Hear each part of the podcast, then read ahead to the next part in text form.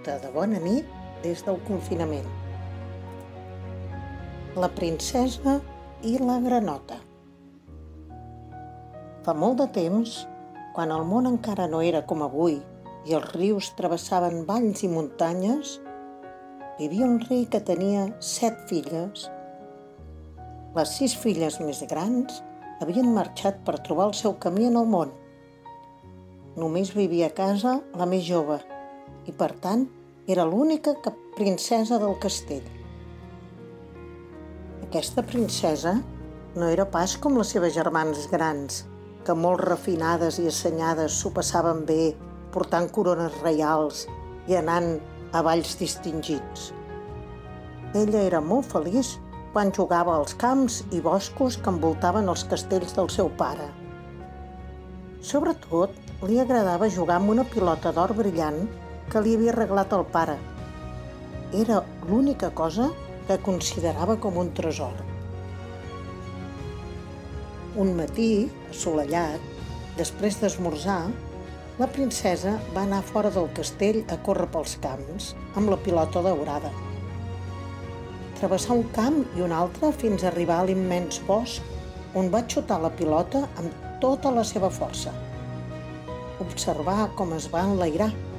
Va passar per sobre d'uns arbres i llavors va baixar entre les branques d'un roure molt alt fins que va caure patatxap al mig d'una bassa d'aigua on De pressa, la jove agafà un pal i el va fer servir per buscar la pilota dins l'estany però no trobava la pilota. I tot el que va pescar van ser arbotes i fang.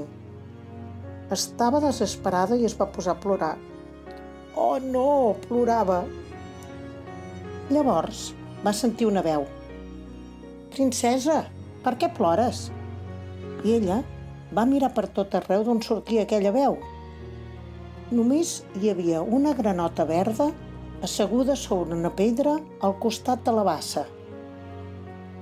Has dit alguna cosa? va preguntar-li. Sí, va dir la granota. Què és el que tant t'emmoïna? La meva pilota d'or tan bonica ha caigut a la bassa i no la puc treure, va contestar la princesa. És tan fonda i no sé nedar? Oh, no! No ploris, li va dir la granota. Jo puc trobar-la. Però què em donaràs a canvi si la trobo?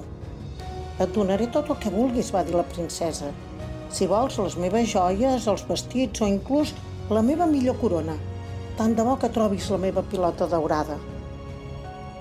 Ui, jo no vull totes les teves joies ni la teva roba, ni tampoc la corona d'or. Jo vull ser amiga teva. Vull seure a taula, al teu costat, menjar el teu plat daurat i beure de la teva copa, Vull dormir sobre un coixí de seda al costat del teu llit preciós i vull que em facis un petó de bona nit abans de dormir. Si em promets tot això, va dir la granota, trobaré la teva pilota. La princesa va creure que la granota deia ximpleries, però li agradava tant la seva pilota d'or que estava disposada a acceptar qualsevol condició. Et prometo tot el que em demanes, li va dir. Només, sobretot, troba la pilota. Recorda que m'ho has promès, diguem un somriure a la granota. I llavors es va capbussar dins l'estany. Després d'una bona estona, la granota va sortir nedant amb la pilota daurada. La princesa estava molt contenta. La granota va llançar-li la pilota a l'herba i ella l'agafà i l'abraçà. Llavors, se'n van tornar a casa corrents. Ràpidament, la granota va saltar fora de l'aigua. Espera'm, espera'm, raucava. Feia saltironets i intentava no ressegar-se, però aviat es va quedar enrere. Sense mirar, la jove va continuar corrent pels camps cap al castell del seu pare. Una setmana i un dia més tard, la princesa s'havia oblidat de la granota. Es va asseure a taula per sopar amb el rei i els cortesans quan un missatger va arribar al saló. Sa majestat, hi ha una granota a la porta que diu que la princesa li va prometre compartir el sopar amb ella, anunciar. La princesa es va sobresaltar i es posà vermella. És veritat, filla? li va preguntar el rei molt sorprès. Bé, és veritat, però no del tot, va dir la noia. Va explicar al seu pare el que havia passat al bosc i el que la granota li havia demanat. Li vaig prometre que podria venir a viure amb mi, va dir. Però mai no m'hagués imaginat que em seguiria fins a casa. No vull viure amb una granota vella i llefiscosa. El rei era un home bo i honrat. Mai no deia mentides i sempre mantenia la seva paraula. Va moure el cap. Estimada filla, quan es fa una promesa, s'ha de complir. Demana-li a la granota que es quedi a sopar. La princesa se sentia avergonyida i a contracor li digué al missatger que fes entrar la granota. La granota va entrar saltant al saló i va seure's a la cadira que hi havia al costat de la filla del rei. Em vas prometre que al teu costat, va dir. La princesa no podia suportar la idea de tocar la granota. L'agafà amb un tovalló i la posà a la taula. La granota li va fer un somriure i es col·locà a la vora del seu plat. La princesa va cridar un criat perquè portés escarbats i herbotes d'aigua la granota protestar. No vull menjar, no vull.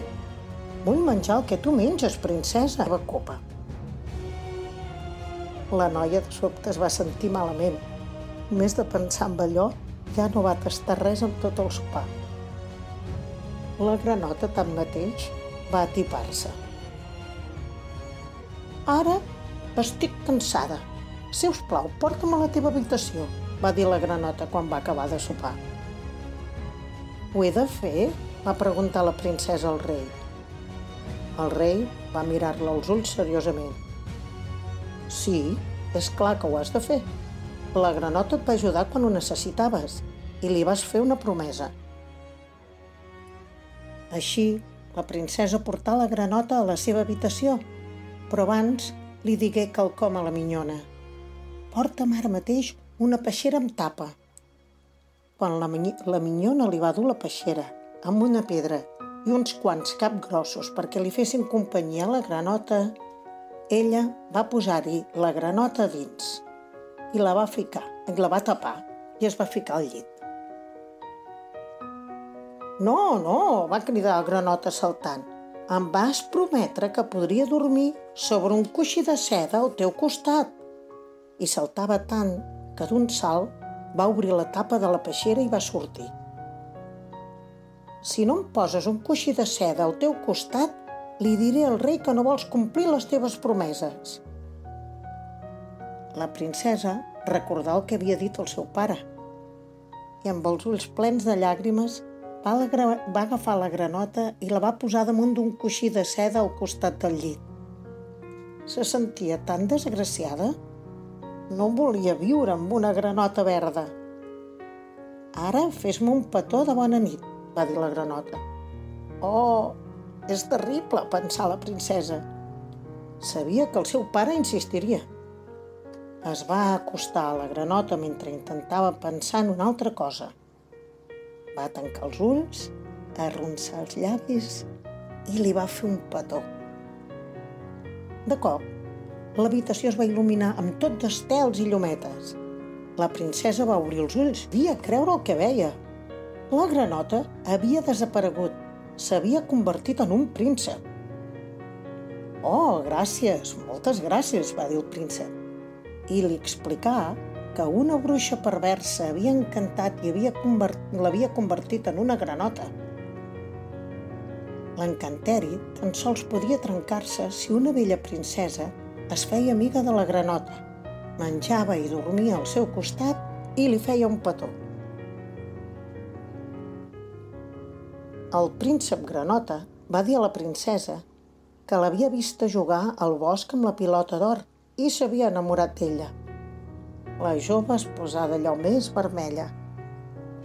Li hem de dir al meu pare el que ha passat? va dir.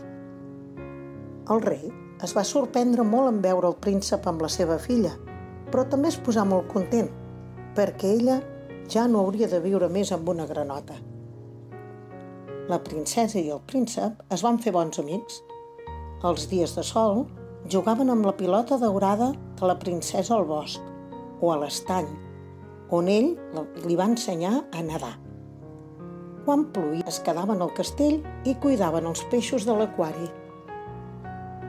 Va passar un any i un dia i la princesa i el príncep es van casar. El rei estava molt content i a tot arreu van celebrar el matrimoni. En set anys van tenir set fills. Sorprenent, tots van aprendre a saltar i nedar molt bé i van viure feliços per sempre més. Bona nit!